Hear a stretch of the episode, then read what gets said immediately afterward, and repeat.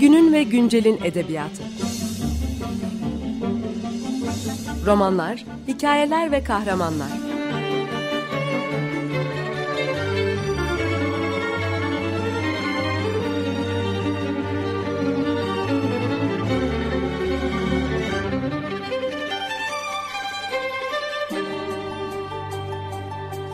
Hazırlayan ve sunan Seval Şahin.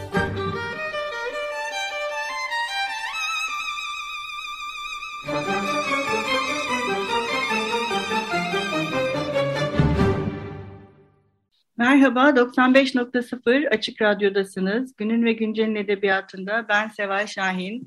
Bugün program konuğumuz Hakan Yücefer. Merhaba, hoş geldiniz. Merhaba, hoş bulduk. Evet, bugün e, Hakan Hoca'yla e, birlikte e, biraz e, Delöz'den, biraz da Borges'in e, Babil Piyangosu'ndan bahsedeceğiz. E, önce e, biraz e, Delöz'ün anlamın mantığından ve buradaki oyunlar kısmından bahsedip sonra da e, Babil Piyangosu'na geçeriz diye planladık hocayla birlikte. E, evet hocam, buyurun. Evet, ben e, sonuçta bir edebiyatçı değilim, bir felsefeciyim. Onu, onu hatırlatarak başlayayım. Dolayısıyla yani Borges'in bu Babil Piyangosu öyküsüne de birazcık felsefeci gözüyle, yani Döloz'u kullanarak bakmaya çalışacağım. O yüzden yani saf edebiyatçıların belki biraz hani rahatsız edecek bir kavramsal, fazla kavramsal bir okumada e, yapabilirim. Yani öyle bir tehlike de her zaman var. Önce Deleuze ve Borges üzerine birkaç şey söyleyeyim. Yani hani Deleuze'ün böyle özellikle üzerinde durduğu edebiyatçılar var. İşte Proust üzerine bir kitap yazmış. Kafka üzerine Guattari ile birlikte bir kitap yazmış. Hani Borges bunlardan biri değil yani. Deleuze'ün böyle üzerine ayrı bir makale yazdığı, ayrı bir kitap yazdığı birisi değil. Ama öte yandan Deleuze bir sürü kitabında böyle fark ve tekrarda işte anlamın mantığında o 60'ların sonundaki büyük kitaplarında işte 80'lerde yazacağı kitaplarda işte Kıvrım kitabında, Foucault kitabında Guattari ile birlikte yazdığı Bin Yayla'da falan hep böyle küçük küçük göndermeler yapıyor Borges'e. Böyle bir dipnot, hani boyutunu pek geçmeyen küçük göndermeler yapıyor. Yani bugün de yani üzerinde duyacağımız e, e, metin hani bu yani Borges'e küçücük bir gönderme yapan bir metin aslında. Anlamın mantığının e, işte ideal oyun üzerine başlığını taşıyan 10. bölümünde hani Deleuze oyunlardan bahsediyor ve birazcık da Borges'ten bahsediyor ondan sonra hemen. Kısa bir gönderme yapıp geçiyor yani. Biraz onu açmaya çalışacağız. Ama şey diyebiliriz yani bu hani Deleuze'ün hani Borges'e bu kısmi ama sürekli olan ilgisi çok çok şaşırtıcı değil. Çünkü Deleuze işte hepimizin bildiği gibi fark ve tekrarla ilgileniyor ve fark ve tekrar da yani bayağı Borges'in kafasını meşgul eden bir konuya benziyor. Yani bir şeyin olduğu gibi yani hiçbir değişiklik yapılmadan aynen tekrar edilmesi işte Pierre Menard işte Don Quixote'un e, baş, yeniden aynen yeniden yazan hani tuhaf romancı Pierre Menard'ın öyküsünü düşünelim Borges'teki ya da işte Fines'in hafızasını düşünelim. Geçmişi olduğu gibi aynen yeniden üreten. Yani bu aynının e, kendi, hiç değişmeden tekrarı fikri yani Borges'in kafasını bayağı kurcalıyor gibi gözüküyor. Öte yandan yani radikal bir farklılaşma da Borges'i ilgilendiriyor. Yani bütün olanakların, yani bütün farkların aynı anda gerçekleşmesi fikri de Borges'in sevdiği bir fikir.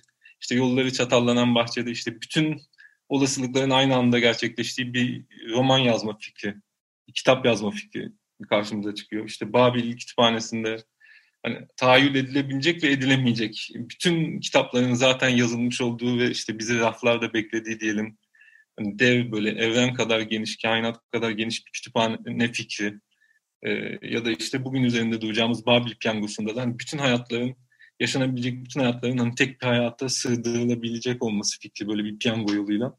Yani bu fark ve tekrar temaları bayağı Borges'in bir sürü en meşhur öykülerinde e, tekrar tekrar karşımıza çıkan temalar. O yüzden yani Deleuze'ün bu ilgisi çok şaşırtıcı değil. Ya bu anlamın mantığındaki ideal oyun bölümünde de bu fark ve tekrar temalarına bu sefer bir oyun teması da ekleniyor. E, ve yani e, o, fark, tekrar ve oyun temaları açısından Deleuze e, Borges'le ilgilenecek. Ama Deleuze'ün çıkış noktası şey değil, Borges değil aslında Lewis Carroll. Yani Lewis Carroll'ın Alice Harikalar Diyarı'nda yani bize anlattığı bir takım tuhaf oyunlar. Yani muhtemelen herkes hatırlayacaktır. Yani e, Alice e, bir yerde çok ağlamaya başlıyordu ve bir gözyaşı havuzu oluşuyordu. E, bir sürü hayvanlar ve Alice işte ıslanıyorlardı o havuzun içinde. Sonra dışarı çıkınca da kurmak için tuhaf bir oyun oynuyorlardı. Oyunu bilmiyorum hatırlıyor musunuz? Böyle e, çember, tuhaf tam çemberim, tam çember de olmayan ama böyle biraz çemberimsi bir alan çizip onun etrafında dönmeye başlıyorlardı. Ama isteyen durabiliyor, isteyen koşuyor. Yani böyle bir start anı yok. Hadi şimdi başlayalım koşuya gibi bir an yok. Oyunun ne zaman biteceği belli değil. Böyle tuhaf bir oyundan bahsediyordu.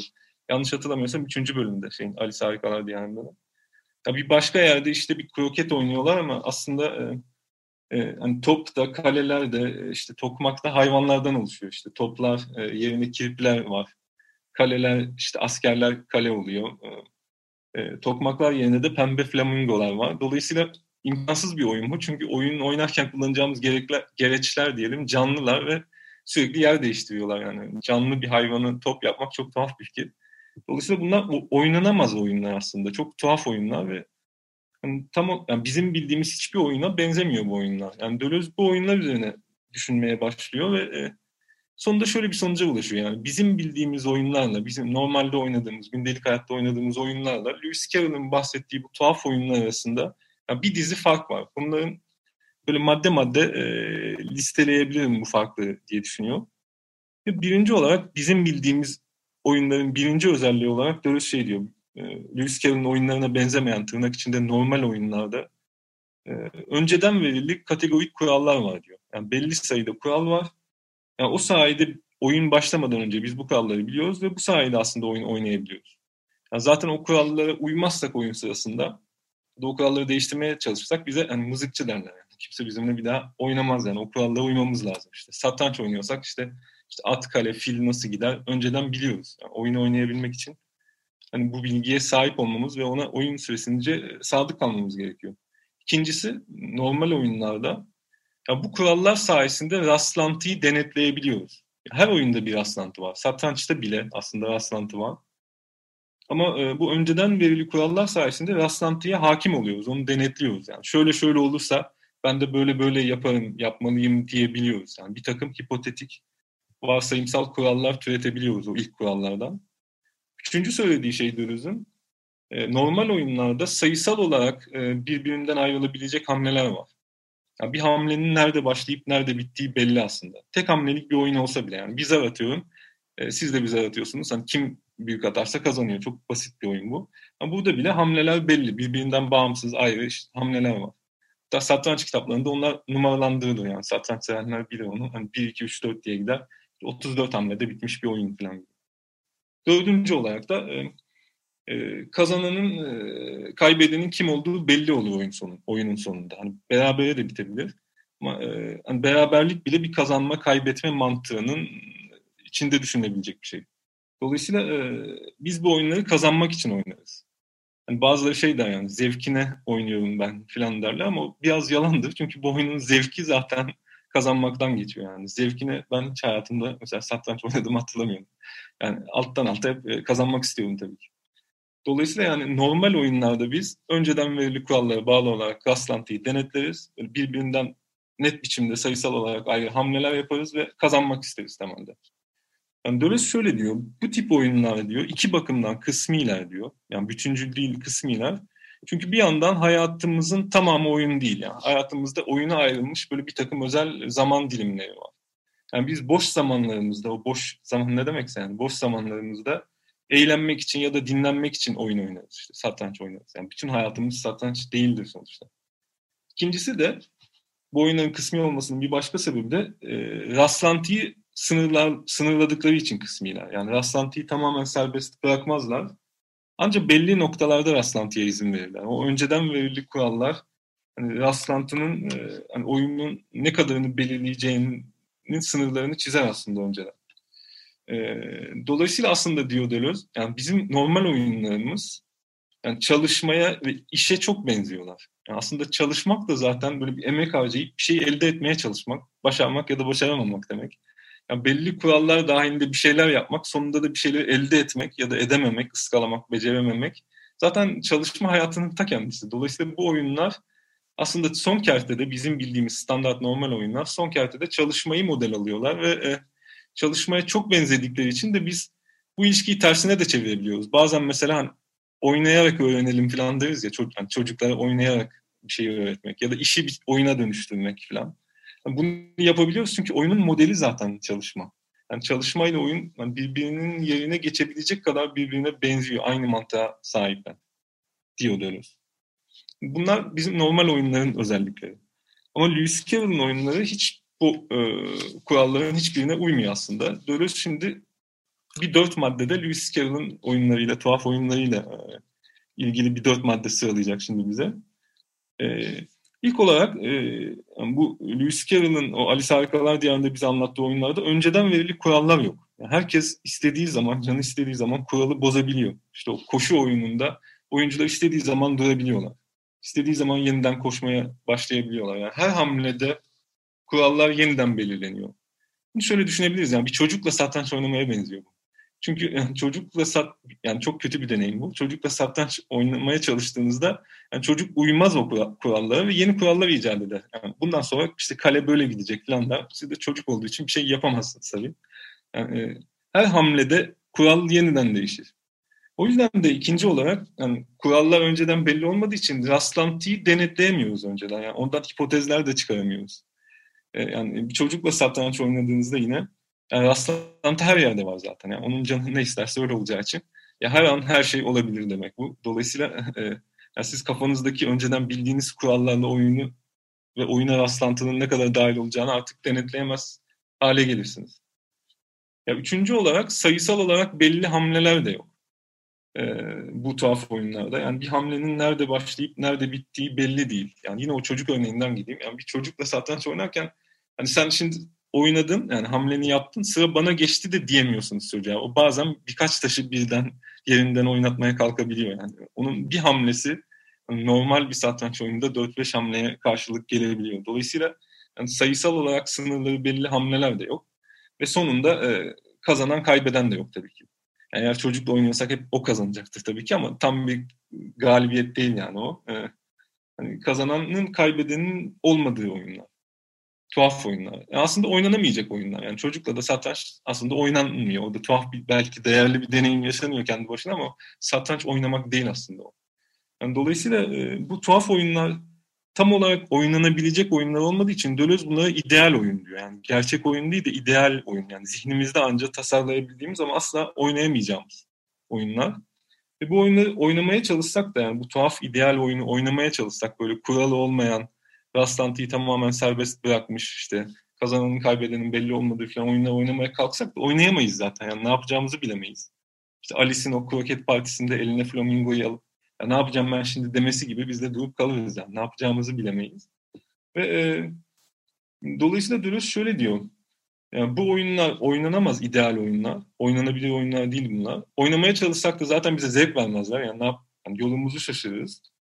Öte yandan diyor Deleuze, bu sadece böyle çocukları eğlendirmek için filan Lewis Carroll'ın uydurduğu bir şey değil bu ideal oyun fikri.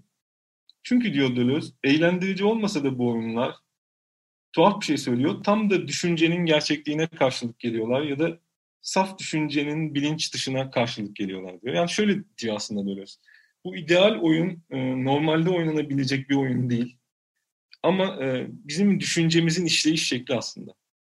Evet. Bir küçük alıntı yapayım yani ilginç bir alıntı.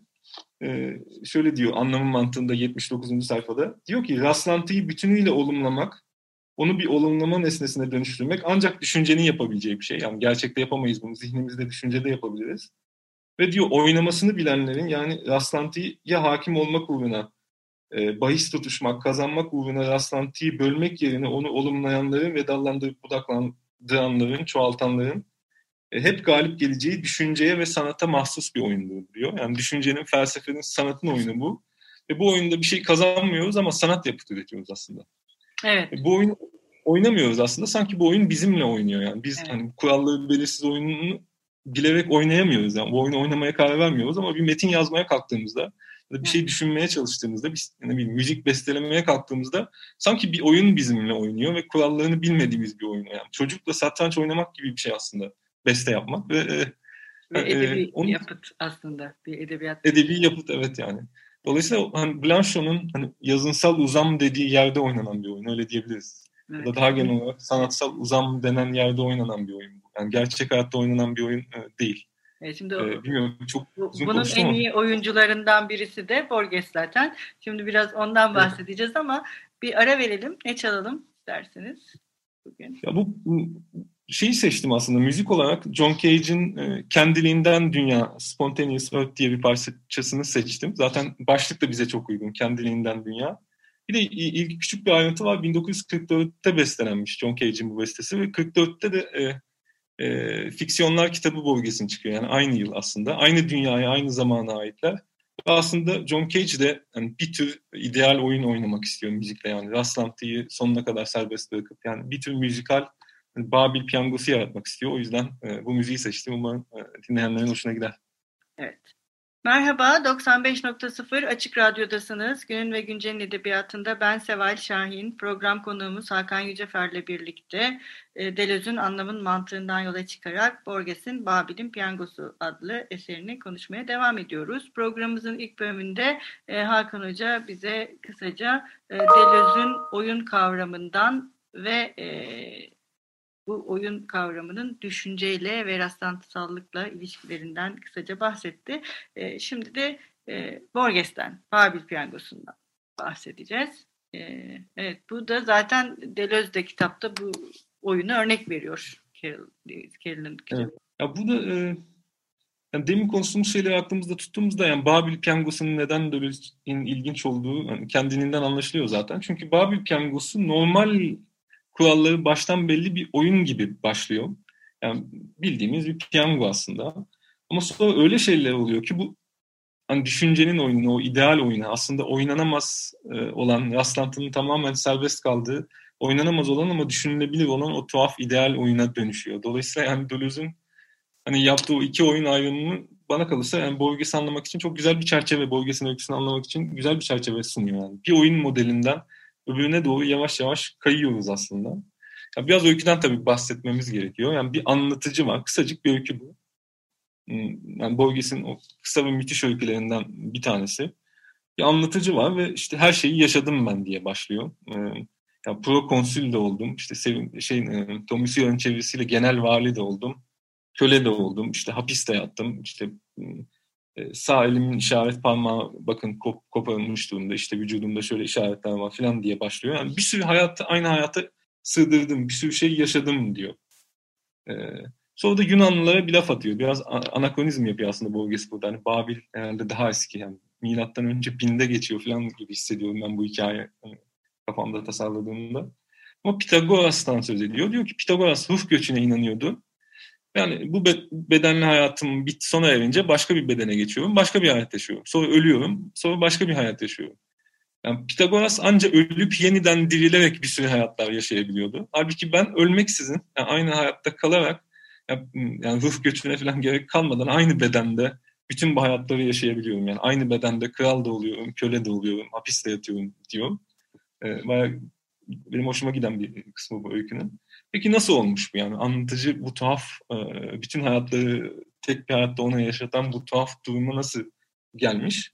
Hikayenin başını anlatıyor aslında e, bu noktadan itibaren anlatıcı. buna kendisi tanık olmamış, e, babasından falan duyduğu hikayeleri anlatıyor. Bir zamanlar diyor Babil'de işte nedense berberler bir şans oyunu düzenlemişler ve normal bir oyun olarak başlıyor bu dediğimiz gibi demin. Hani berberler e, bakır para karşılığında dikdörtgen kemikler ya da renkli parşömen parçaları dağıtıyorlar diyor. E, kazananlar da işte gümüş sikkeler kazanıyorlardı. Yani bildiğimiz tombala gibi bir şey aslında bu. E, ama sonra şöyle bir fikir e, birilerinin aklına gelmiş. Ya oyun heyecan oyuna heyecan katmak için kaybedenlere de bir ceza verelim. Yani sadece para kazanılma olmasın. Kaybedenlerde mesela para cezası verelim. Sonra bir tık daha arttırmışlar bu şiddeti kaybeden bazı kaybedenlere para cezası değil de hapis cezası verelim. Yani hapiste yatarak da e, cezasını çeksin onlar. Sadece parayla değil. Bundan sonra iş iyice büyüyor. Yani oyun gitgide bu para meselesinden bağımsızlaşmaya başlıyor. Yani kazanan da parayla ödüllendirilmesin. Ona da böyle e, bir takım özel durumlar yaratalım onun için. Bir takım eylemlerle ödüllendirirsin işte. Mesela kral olsun bir günlüğüne ya da birkaç günlüğüne işte bir düşmanını yok etme şansı kazansın falan. Dolayısıyla normal bir oyun gibi başlayan işte bir Babil piyangosu gitgide böyle e, ödüllerin ve cezaların karmaşıklaştığı e, e, tuhaf bir oyuna dönüşmeye başlıyor. İşte o bir kahraman anlatıcıya, hikayenin kahramanına bütün hayatları tek hayatta yaşatan şey bu aslında. Yani bu piyangonun böyle tuhaflaşması. Ve en sonunda iş o kadar çok belirsizleşiyor ki artık oyunla hayat arasındaki sınır ortadan kalkmaya başlıyor. Yani bütün Babiller bu oyuna katılmaya başlıyorlar. Artık iktidarla oyunu düzenleyen işte şirket mi diyelim ona. Hmm, Babil ve şirket biraz tuhaf geliyor ama şirket diye çeviriyor genelde. Yani o, bu oyunu düzenleyen şirket aynı zamanda devlete neredeyse dönüşüyor ve bütün halk bu oyunu oynamaya başlıyor ve hayatta zaten bu tuhaf piyangodan ya da oyundan ibaret olmaya başlıyor. Dolayısıyla yani her şey piyangonun ya da oyunun konusu oluyor. Yani radikal biçimde e, rastlantıya açılmış oluyor. E, işte tam öykünün bu noktasında Borges'in söylediği bir şeyi Deleuze alıntılıyor. Onu okuyayım isterseniz. E, çok güzel bir bölüm zaten. Yani şöyle diyor Borges, e, Deleuze'ün alıntıladığı haliyle. Eğer piyango rastlantının arttırılmasıysa, belli evrelerle kaosun kosmosa sızmasıysa, rastlantının yalnız çekilişte değil, piyangonun bütün aşamalarında işe karışması daha uygun olmaz mıydı? Yani her şey rastlantı olacaksa, e, her yere piyangoyu dahil etmemiz, her yere çekilişi dahil etmemiz lazım. Yani rastlantının, şu bir örnek veriyorum. Rastlantının bir insanın ölümüne yol açması ama bu ölümün koşullarının sessiz sedasız mı, gürültülü patırtılı mı olacağının, bir saat sonra mı, bir yüzyıl sonra mı olacağının rastlantıya tabi olmaması saçma değil mi? Yani piyangoda sizin talihiniz yokmuş, size ölüm çıktı diyelim. Ama nasıl öleceğiniz e, belli değil. Yani bir sürü şekillerde ölebilirsiniz. E, onlar da piyangoya dahil edilebilir. Bir sürü başka şey de piyangoya dahil edilebilir. E bir de Dolayısıyla, öldükten sonra geri dönme şansınız da yok yani piyangoda. Ölmüş oluyorsunuz. Evet öyle. Ee, ama şöyle yani kötü bir şey gelirse başınıza üzülmeyin çünkü daha o, o noktaya nasıl gideceğiniz de aslında çekilişin konusu olacak falan. Böyle gitgide karanlık ve tuhaf bir e, noktaya geliyor. Yani burada artık oyun oynanamaz hale geliyor tabii ki. Demin dediğimiz şey yani. Ancak zihin düşünceyle tasarlanabilir ama gerçek hayatta oynanamaz hale geliyor. Ve Deleuze şöyle diyecek kitabın daha ilerleyen bölümlerinde. Yani bu çekilen çile, hani bu piyango çilesi aslında düşüncenin ya da sanatın çilesi. Biraz İsa'nın çilesi gibi, onun çarmıha gerilmesi gibi. Aslında düşünce bu ideal oyununa çarmıha geriliyor neredeyse ve sanat yapıtı hani o çileden doğuyor ya da felsefe de o çileden doğuyor e, diyecek. E, bilmiyorum daha çok geliştirebiliriz ama sanırım az vaktimiz kaldı. Çok, evet. Biraz da çok uzun konuştum. Ben yok. konuştum kusura bakmayın. Yok yok estağfurullah gayet çok güzel konuştunuz ama programımız e, kısa. Tabii ki bu böyle zaten o kısacık hikaye gerçekten böyle birçok üzerine şeyler yazılabilecek ve konuşulabilecek bir e, hikaye. Tabii burada konuşamadığımız çok şey var. İşte zaman meselesini konuşamadık. Aslında buradaki mizah meselesini konuşamadık. Daha bir sürü şeyi konuşamadık. Rastlantıyla tesadüfün aynı şey olmadığını konuşamadık falan gibi. Neyse çok teşekkür ederiz. Ee, belki ben onları konuşmak için başka bir programda yeniden bir araya geliriz. Ee, çok teşekkürler. Ben teşekkür ederim.